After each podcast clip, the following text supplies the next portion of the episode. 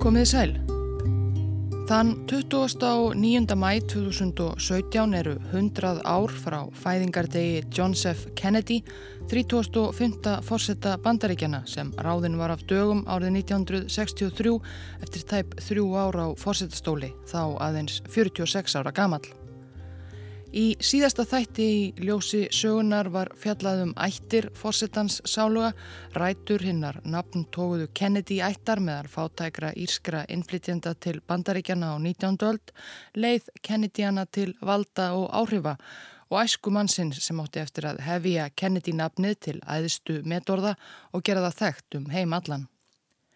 John Fitzgerald Kennedy ólst upp eins og við heyrðum þá við velsælt þöks ég auðæfum föður hans Josephs Kennedy eldri sem var vel auðugur kaupsíslumadur, stór og glæsileg hús, snekkjuferðir að sumri, þjónustu fólki hverju hotni og svo framvegis.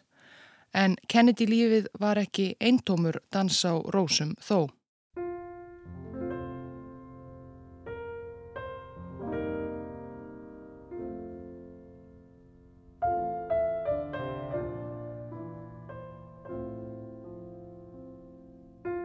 Joseph Kennedy hafði miklar væntingar til barna sinna.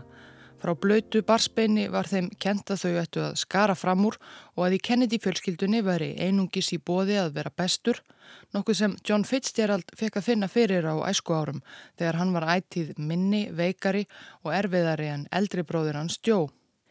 Joseph Gamla fannst líka beinast við að sínir hans sættust eftir pólitískum frama.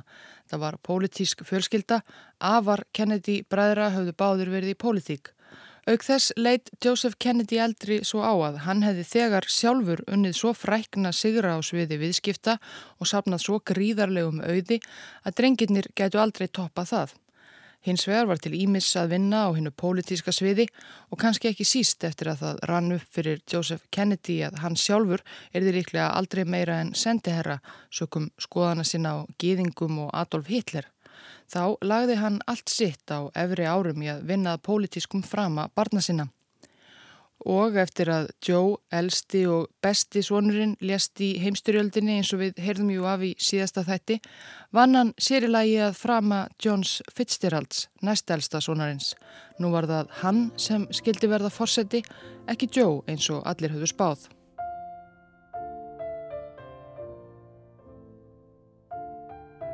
Árið 1946 var maður að nafni James Michael Curley þingmaður demokrataflokksins í 11. kjördæmi Massachusetts og ágætlega vinsæl sem slíkur. Hann hafði meiri segja áður verið borgarstjóri í Boston og ríkistjóri í Massachusetts. En þarna 1946 kom til skjálana Joseph Kennedy, áhrifamaður í bandarískri pólitík og ekki síst meðal írsk ættaðra bostonskra demokrata. Hann þekkti James Michael Curley vel og daginn, eða kannski var það kvöld í reikumettuðu bakherbergi, kvíslaði hann að honum að kannski væri öllum fyrir bestu ef hann segði þingsæti sínu bara lausu og færi aftur heim til Boston. Kannski ætti hann bara bjóða sig aftur fram til borgastjóra bara. Ef svo færi þá væri Joseph Kennedy auðvitað auðugur maður sem geti vel látið já, umtalsverðar fjárhæðir af hendi rakna til kostningabaratunar. Körli hlíti þessum kvísluðu fyrirmælum auðmannsins snarlega. Ástæðan var auðvitað ekki að Joseph Gamli Kennedy hefði sérstakann áhuga á því að sjá James Michael Curley í borgarstjórastól Boston, heldur að við þetta losnaði þingsæti í 11. kjördæmi Massachusetts og í því vildi Joseph heldur sjá svonsinn John F. Kennedy. Það voru reyndar fleiri sem gyrndust þetta lausa þingsæti og í forkostningum demokrata fyrir þingkostningarnar buðu sig framals 11 vongóðir kandidatar. Enda var þetta þekkt sem nokkuð örugt sæti fyrir demokrataflokkin. Kjörðamið var aðalega innan marka Bostonborgar og grannborgarinnar Cambridge. John F. Kennedy var rétt um þrítugt, algjörlega reynslulös í pólitík en með hjálp föður síns, ekki síst fjárhagslegri, var þengað síður hann sem stóð uppi sem sigurvegar í forkostningana með 12% aðkvæða. Kostningarnar til fulltrúadeildar bandaríkjathings fór svo fram þann 5. november 1946. Það var á miðju kjörtímabili forsetta bandaríkjana, reyndar höfðu átt sér forsetaskipti á kjörtímabilinu þar sem Franklin Roosevelt aði látist aðeins örfáum vikum eftir að fjóruða kjörtímabil hans sem forseti hófst í april 1945 og varaforsetin Harry S. Truman tekið við. Truman var strax orðin mjög óvinnsæl Fólki sem hefur áhuga á stjórnmálaferli Trúmans er annars bent á fyrir þátt í ljósi sögunar sem fjallaði um fórsetakostningarnar í bandaríkunum 1948 þegar Trúman bauði sig fram gegn republikananum Thomas Dewey. En í þingkostningunum 1946 urðu óvinnsældir Trúmans til þess að republikunar unnu ágætan sigur bættu við sig 55 þingsætum í fulltrúadeildinni og fengu þannig meiri hluta á þinginum. Það voru nokkur þekkt nöfn síðar meir sem komist á þingi fyrsta sinn í þessum kostningum til að mynda Richard nokkur Nixon og þrátt fyrir Sigur Republikana þá komist nokkur nýjir demokrater inn líka og þar á meðal var John Fitzgerald Kennedy.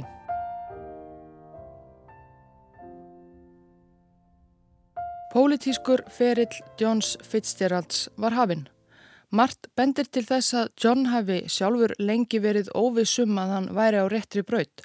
Allavega var þetta tæpast brautin sem hann sjálfur hefði valið, hefði fadir hans ekki emitt verið Joseph Kennedy og hefði hann ekki mist eldri bróður sinn í heimstyrjöldinni. Í viðtali við tímaritið Lúk viður kendi þingmaðurinn ungi að orðrétt, hann væri bara að gera það sem Joe, eldri bróðurinn, hefði gert, hefði hann lifað. Síðar saði hann í öðru viðtali að ef bróðir hans hefði ekki látist, hefði hann öllum líkindum farið í lögfræðinám, frekar en politík. Og að er framkemur í æfisögu John F. Kennedys eftir bandaríska sakfræðingin Robert Dalek, An Unfinished Life eða Óklárað líf, þá viðurkendi hann í einrúmi við vini sína á þessum tíma að hann hefði engan áhuga á að fara át í politíki raun og veru. Hann væri bara að reyna að feta í fótspór bróður síns sáluga.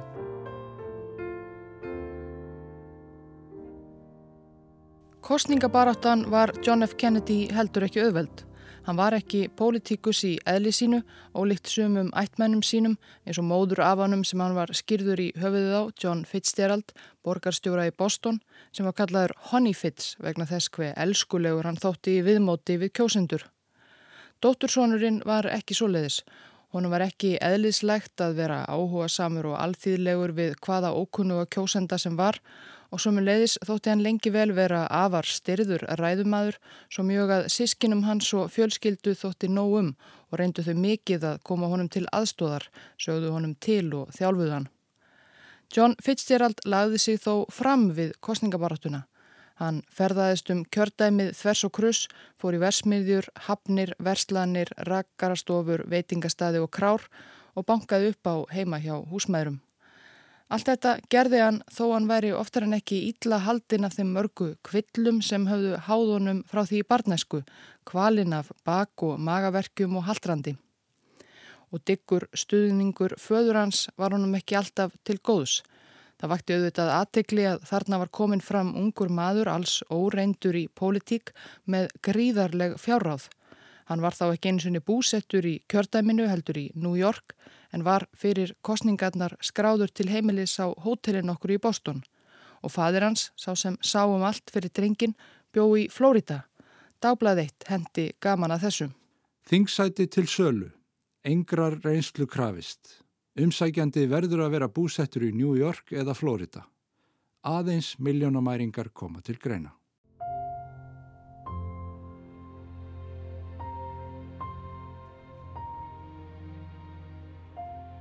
En sumsið á þing komst Kennedy. Þeir sem þekktu hinn nýkjörna þingmann John Fitzgerald og æfisögurittarar hans eru samála um að hann hafi ekki beint sínt þingstörfunum ofur áhuga frá fyrsta degi eða virst vilja marka fulltrúadeildina djúpum sporum. Fyrst og fremst hafi hann leitið á fulltrúadeildina sem nöðsynlegan áfanga og leiðsinn í efri deild þingsins, öldungadeildina, þangað sem hann hlaut auðvitað að stefna. Allavega stemdi fadir hans honum þangað. Í fulltrúadeildinni let Kennedy sig helst varða húsnæðis og verkaliðsmál sem á utaríkismál. Kaldastríðið var hafið og Kennedy var eldheitur antkommunisti og stutti diggilega stefnu Trúmans fórsetta um að vinna gegn framgangi kommunista í Evrópu. Annars viðurkendi Kennedy síðar sjálfur um fyrstu ár sín á þingi. Ég var ekki reyðbúin fyrir þessa vinnu. Ég ætlaði ekki að fara á þetta svið og þegar ég byrjaði sem þingmaður var margt sem ég vissi ekki, mörg mistök sem ég gerði og kannski einhver atkvæði sem ég hefði átt að greiða öðruvísi. Þegar komað atkvæðagreiðslum um Ímismála á þinginu let fadir hans sig það einnig varða og bjóst við því að sonurinn greitti atkvæði aðalega samkant hans vilja, föðursins það er.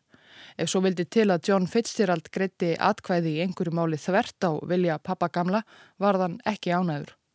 Í æfisögu Robert Stalex er varðveitt samtal eftir eitt slíkt tilvik milli Josephs gamla, sonarinn sem var kallaður Jack og fjölskylduvinnar Kay í kokteilbóðin okkur en ekki fylgir sögunni um hvað nákvæmlega þingmálið snerist. Kay, getur ekki sagt Jack að hann ætlaði að kjósa rán? Ég held að hann sé að gera mikil mistök.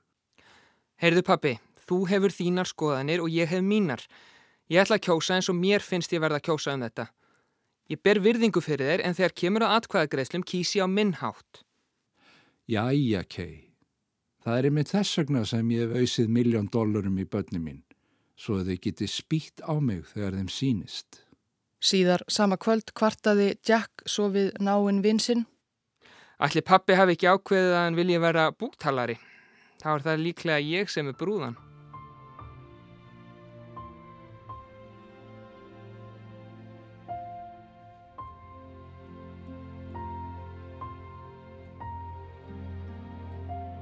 Sem háskólanemi í Harvard hafði John F. Kennedy getið sér orð sem nokkur kvennabósi og það orðspor helt hann áfram að rækta eftir að hann komst á þing. Hann varð fljótt þektur fyrir að eldast við hverja konuna og fætur annari og yfirleitt voru það bara skindikinni. Vinir Kennedy safa síðar sagt að kvennafar hans hafi verið nær þráhyggjukent og tengtað við það að á þessum tíma hafi hann verið vissum að hann yrði ekki langlýfur.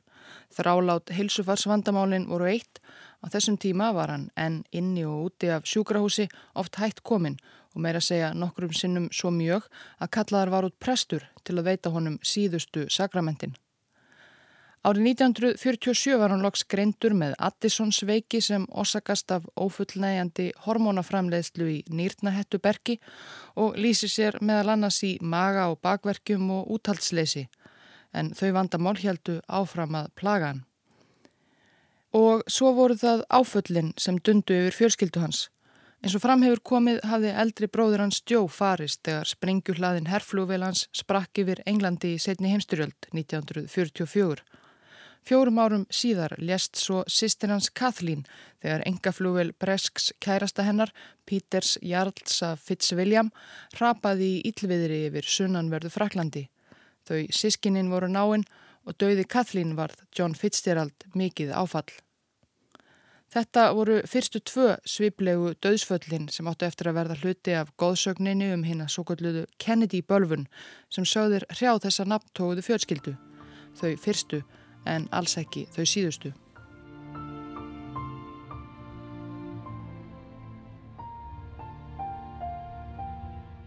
John Fitzgerald Kennedy sati sex ári fulltrúadild bandaríkaþings. Hann ákvað, eða ákveði var fyrir hann, að býða fram til kostningarna 1952 með að bjóða sig fram til öldungadeildarinnar.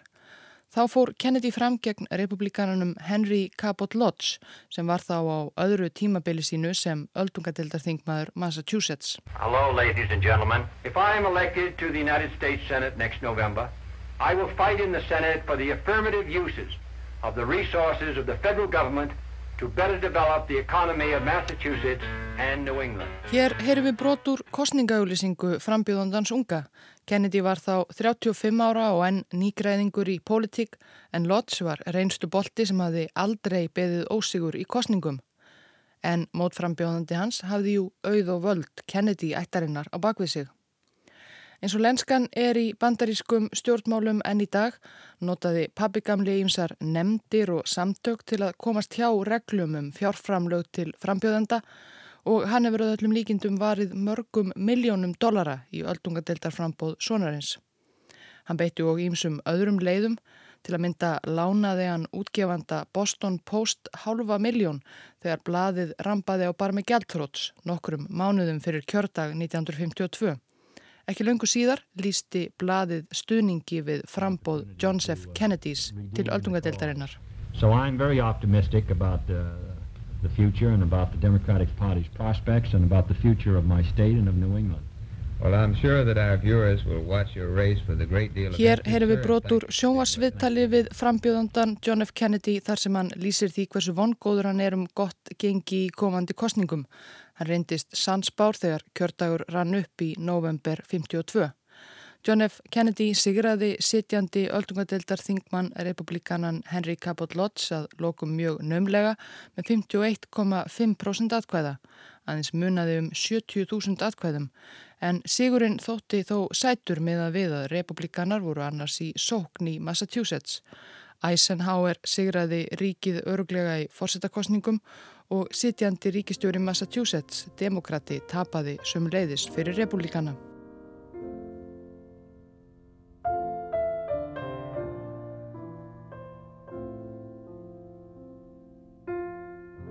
Það bendir flest til þess að Kennedy hafi þegar hann var komin alla leið í öldungadeildina verið komið með talsvert meiri áhuga á starfinu sem fadir hans hafi valið honum og meiri metnað en það gatan sem öldungadeildar þingmaður haft meiri áhrif en hann hafi getað sem einn dropi í hafsjó neðri deildarinnar og ekki síst þá virtist forsetaembættið nú vera í raun og veru innan seilingar.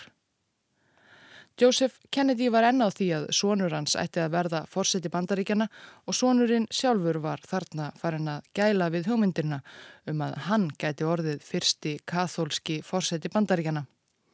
Hann fór að láta meira að sér kveða á þinginu gaggjart til að vekja á sér aðtegli. Líkt og í neðri deildinni leta hann sig varða utanríkismál öðru fremur. Hann stóð reyndar í talsverðu stappi við flokksbræður sínar vegna þess að hann var tregur til að taka þátt í annars einróma fordæmingu demokrata á einum umdeldasta stjórnmálamanni bandaríkjana á þessum tíma, republikananum Joseph McCarthy, sem um þessar mundir var önnum kafin við að þefa upp í meinta kommunista og annan ósóma líð í bandarísku samfélagi eins og nortnaveiðari á miðöldum. Þar var það líklegast fjölskyldan sem hafði áhrif á stefnu Kennedys. Joseph Gamli Kennedy var diggur stuðningsmæður nafna síns McCarthy's og verka hans og Robert eða Bobby, þriði sonurinn fætur 1925, hann hafði meira segja unnið fyrir umdeilda þingnemd McCarthy's sem rannsakaði óbandarist aðtæfi eins og það var orðað.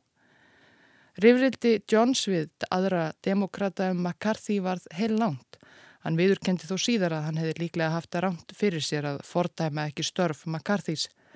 En svo hafði hann líklega um margt annað að hugsa þarna í upphafi ferilsins í öldungadeildinni.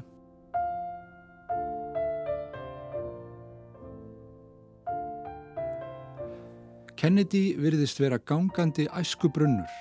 Hann er 1,80 á hæð, grann en sterklega vaksinn og með sakleisistlega virðingar fullt andlit altaristrengs í messu.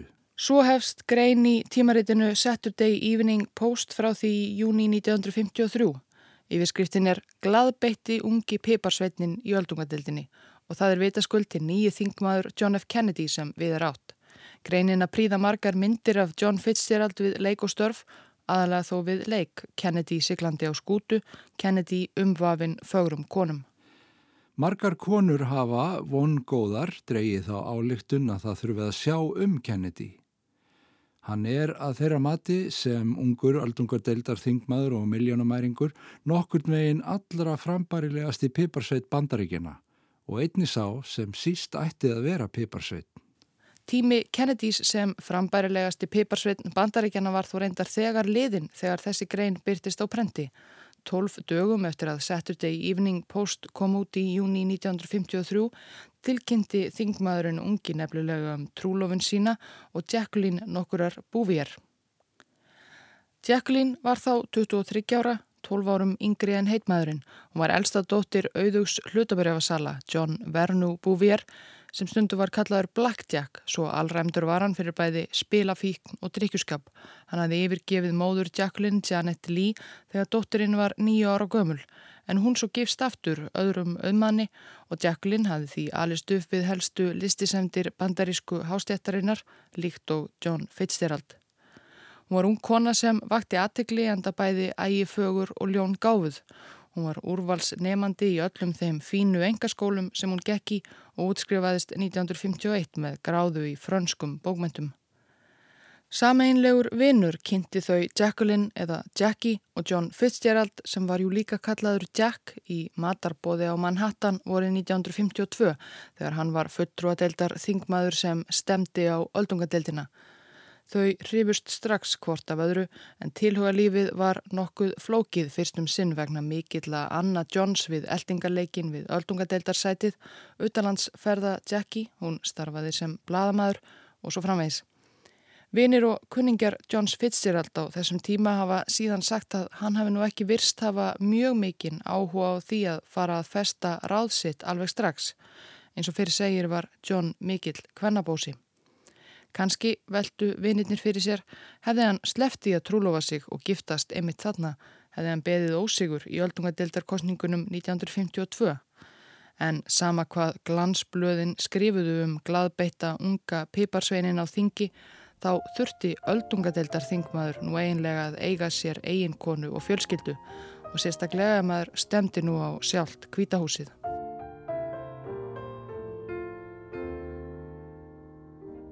John Fitzgerald Kennedy og Jacqueline Bouvier giftu sig 12. september 1953 í Newport á Rhode Island þar sem auðugur stjúpfæðir brúðarinnar áttu búgarð.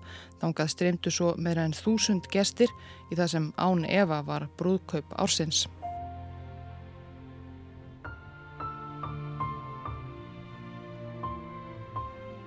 Þó svo að John hafi kannski ákveðið að gifta sig að hluta til vegna starfsins þýðir það ekki að ekki hafi verið kærleikur millir þeirra Jackie þvert á móti. Þau áttu ótalmart sameinlegt og hrifust hvort af öðru.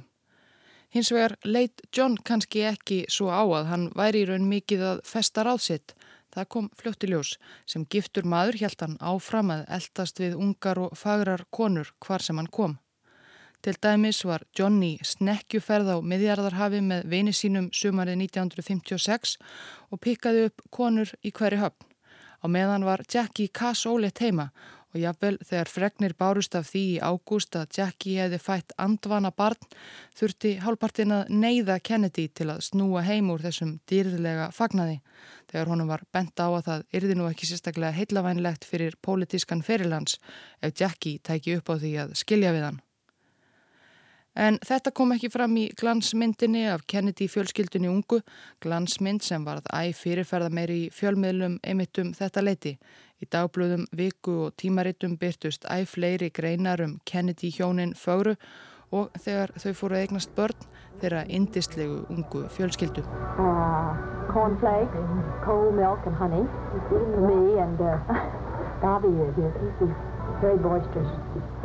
Fórsetakostningarnar í bandaríkunum 1956 eru ekki með þeim minnistæðustu eða markverðustu í bandarískri sögum.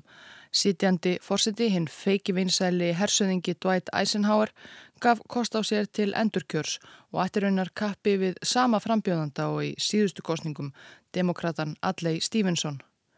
Eisenhower hafði sigrað Stevenson örglega 1952 en einhvað síður ákvaðu demokrater að tillefna Stevenson aftur á flokkstingi sínu 1956. I accept your nomination and your program. Bökkum aðeins. Því áður en Stevenson var formulega útnemdur, það voru ekkert mjög margir aðrir sem komið til greina sem fórsetæfni reyndar. Þetta var á ákveðinni eðimerkur göngu demokrataflokksins og ekki um auðugan Garða Gresja Þá steig ungur öldungadeildar þingmaður sem farin var að vekja verulega aðtikli í pontu og mælti með Stevenson sem forsetta efni flokksins og talaði sömu leiðis um sín sína og hlutverk forsetta bandaríkjana. Við erum hér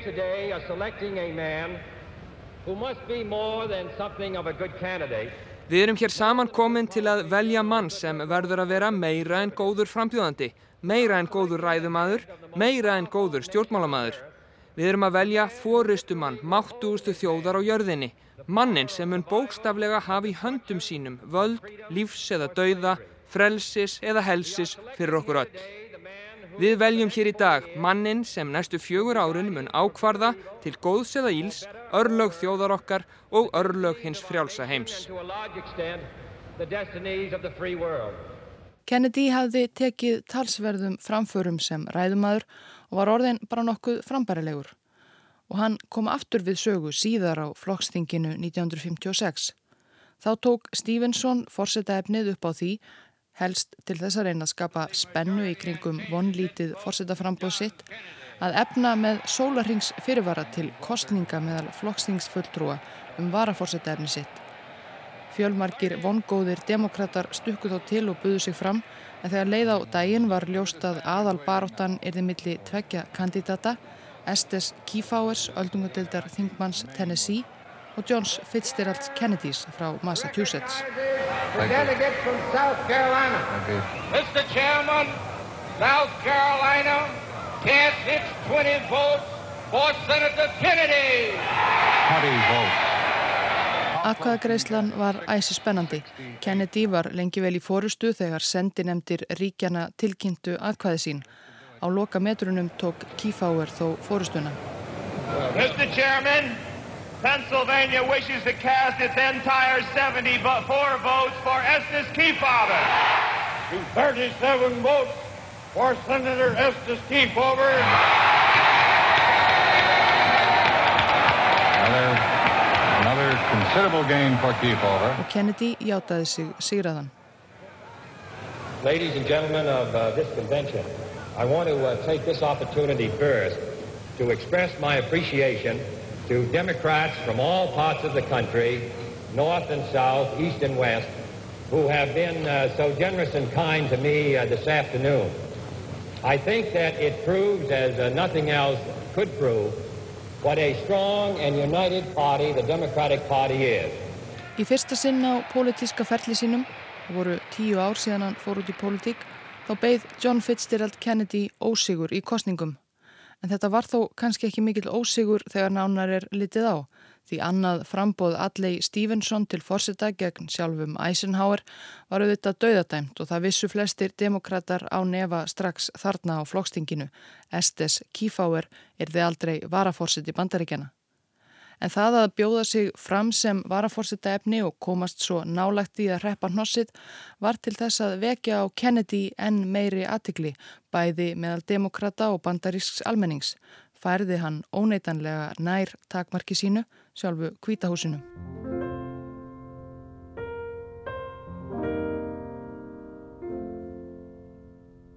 Lincoln.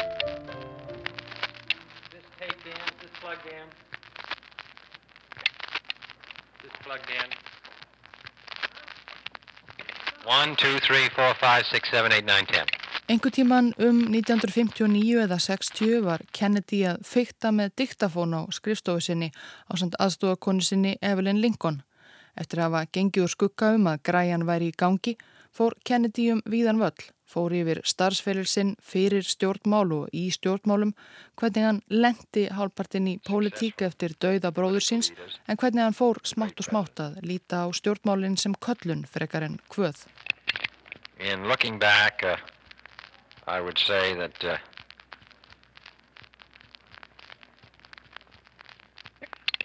uh, Tom, I've never regretted uh, my choice of professions, Þegar ég lít tilbaka hef ég aldrei séð eftir þeim störfum sem ég valdi. Jáfnvel þó að í framtíðinni, jáfnvel þó ég veit ekki hvað framtíðin byrja í skauti sér, ég vona að allir bandarækjumenn, karlar og konur, sama hvaða starfsgrein þau hafa valið, hugsa um að gefa hlut af lífi sínu til stjórnmálana. Þarna var fórsetaframbóð Kennedys þegar í starthólunum. Hann hafi reyndar farið að vinna að því að tryggja sér útnefningu sem næsta fórsetaefni demokrataflokksins strax að loknum fórsetakostningunum 1956. Þá þegar voru margir demokrater farnir að líta á hann sem ákjósanlegan eftirmann Eisenhowers í kvításinu. Kennedy var ungur á mælikvarða bandarískra stjórnmálamanna þótti kröftugur og þróttmikið, einmitt það sem þurfti til að standa upp í hárunu á Sovjetiríkunum á þessum tvísínu dögum kaldastriðsins. Það var þó ekki svo að hann væri sjálfkjörinn. Það voru ekki allir hrypnir af þessum unga manni á uppleið. Hann hafði ímislegt á móti sér einnig, æsku og reynsluleysi. Hann var miljónamæringssonur, ekki sá vinstri sinnaðasti í floknum og ekki síst þá var hann katholskur, nokkuð sem stóði í mörgum bandaríkjamannum af mótmælenda trú á þessum tíma, hvort sem þeir þorðu að viðurkenna það eður ei. En Kennedy hafði sem fyrr fjölskyldu sína og sér í lagi föður sinn sér við lið og hans mikla auð og tengsl sem hann auð óspart góðsaf. Bæði í ríkjum þar sem fóru fram forkostningar meðal demokrata og öll Kennedy fjölskyldan lagðist raunar á eitt til að koma sínum strák í kvítahúsið. Robert Bróðir stjórnaði kostningabarátunni, annar bróðir sem átti eftir að fara út í pólitík líka, Ted, lagði sitt af mörgum og sýstur Johns og eiginkonan Jackie stjórnuðu stuðningsföndum, gengu hús úr húsi og svo framvegis. Og svo í ríkjum þar sem forkostningar voru ekki haldnar meðal demokrata um fórsetefni því að á þessum tíma í bandarískri pólitík voru alls ekki forkostningar innan stóru flokkana tvekja í öllum ríkjum eins og nú er. Í mörgum ríkjum týðkaðist enn svo gamla hefða það voru gamalgrónir áhrifamenn eða stjórar í ríkisteldum flokkana sem réðu flestu öllu þar með talið atkvæðum sendinemdar tjæðs ríkis í fórsetefnis kostningum á flokkstingum og ef fjölskyldufæðirinn Joseph Kennedy gatt eitthvað þá var það að ná til slíkra manna og fá þá á sitt band. Og til að gera langa sögu stutta þá tókst John Fitzgerald Kennedy með talsverðiri hjálp fjölskyldu sinnar að gera hvort tvekja að heitla almenna demokrata sem og áhrifamenn í floknum. Hann sigraði það lokum þrátt fyrir að vera ungur og auðugur katholikki af austuströndinni, alla aðra vongóða demokrata sem hafðu gert sér vonir um fórsetta ennbættið 1960, Stuart Simington, Hubert Humphrey, Robert Miner, Lyndon B. Johnson og gamla fórsettaframbjöðandan Adlai Stevenson. Á flokkstingi demokrata 1960 var John Fitzgerald Kennedy formlega útnemdur fórsettaefni flokksins. Let me say first that I accept the nomination of the Democratic Party. I accept it without reservation and with only one obligation. The obligation to devote every effort of my mind and spirit to lead our party back to victory and our nation to greatness. Sem varaforsetafni sitt valdi Kennedy loks einn af anstæðingum sínum í fórkostningunum, Lyndon B. Johnson, öldungadeildar þingmann frá Texas. Þetta var val sem kom nokkuð og óvart meira að segja í einsta ring Kennedys því þeim Johnson hafi aldrei komið sérstaklega vel saman. En þetta var út spekulerað því Johnson var mjög áhrifamikill í Suðuríkja armi demokrataflokksins þar sem Kennedy átti sér lítið bakland en þurfti stuðning Suðuríkjana til að tryggja sér fórsetaðanbættið.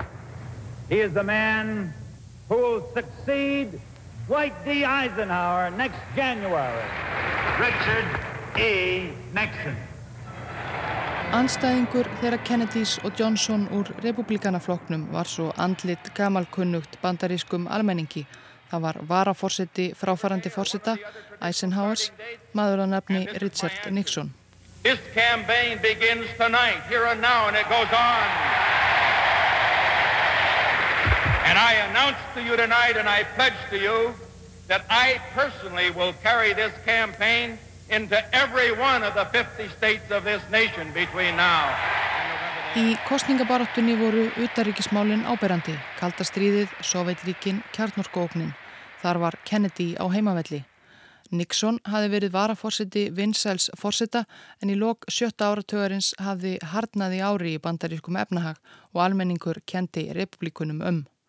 Nixon gerði og ímis afdrifarík mistök í kostningabarátunni eins og að beina sjónum sínum að öllum 50 ríkjum bandaríkjana í stað þess að einbeita sér að tvísínum ríkjum hennum svo kalluðu swing states sem gáttu fallið til republikana eða demokrata líkt og flestir bandarískir forstafrembjöðundur gera nú og Kennedy gerði þá á meðan Nixon var eins og útspýtt hundskinn um allt landið. Good evening. The television and radio stations of the United States and their affiliated stations Brittað var upp á nýlundu í fórsetakostningunum 1960 sem aldrei hafi áður verið gert. Kapparæður frambjöðandana tveggja voru síndar í sjónvarpi. Fyrstu kappræðurnar 27. september vöktu gríðarlega aðtikli Það var nýtt bæði fyrir áhorfendur, kjósendur og frambjöðandurna sjálfa og fyrir Nixon varð aðtiklinn ekki beint af besta tægi. There is no question but that this nation cannot stand still because we are in a deadly competition. A competition not only with the men in the Kremlin Kvöldið sem kappræðurnar fóru fram var Nixon nýkomin af sjúkrahúsi þar sem hann hafi dvalið vegna hjemeðsla. Hann hafi líka verið á ferðinni að hitta og ávarpa kjósendur nær allan daginn og var því þreytulegur að sjá, fölur og hrumur og svitnaði augljóslega þegar leiða útsendinguna. Ekki bætti úr skák að hann neytaði að láta farða sig fyrir myndavilarnar. In the election of 1860, Abraham Lincoln said the question was whether this nation could exist half slave or half free. Kennedy, útkvildur og vel undirbúin, byrtist áhorfendum heima í stofu hins vegar hraustur og hress, sólbrútn og seldarlegur, dökkur húðlitur sem líkist sólbrúngu er endar eitt af ennkennum Addison veikinar sem Kennedy þjáðist af. I think it will depend in great measure upon what we do here in the United States. 70 miljónir horðu á fyrstu kappræðurnar og að þeim loknum urðu nokkrar breytingar á fylgi ræðumannana.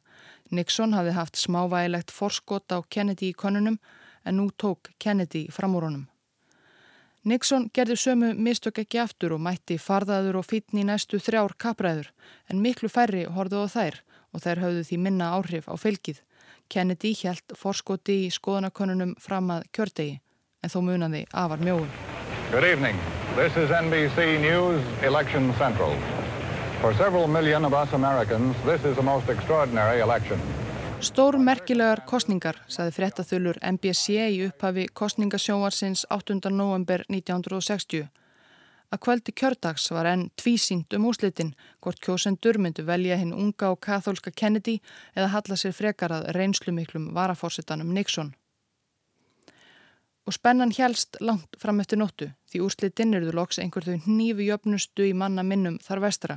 Það muniði að lokum ekki nema tæplega 113.000 atkvæða á frambjöðundunum tveimur eða 0,17% greitra atkvæða.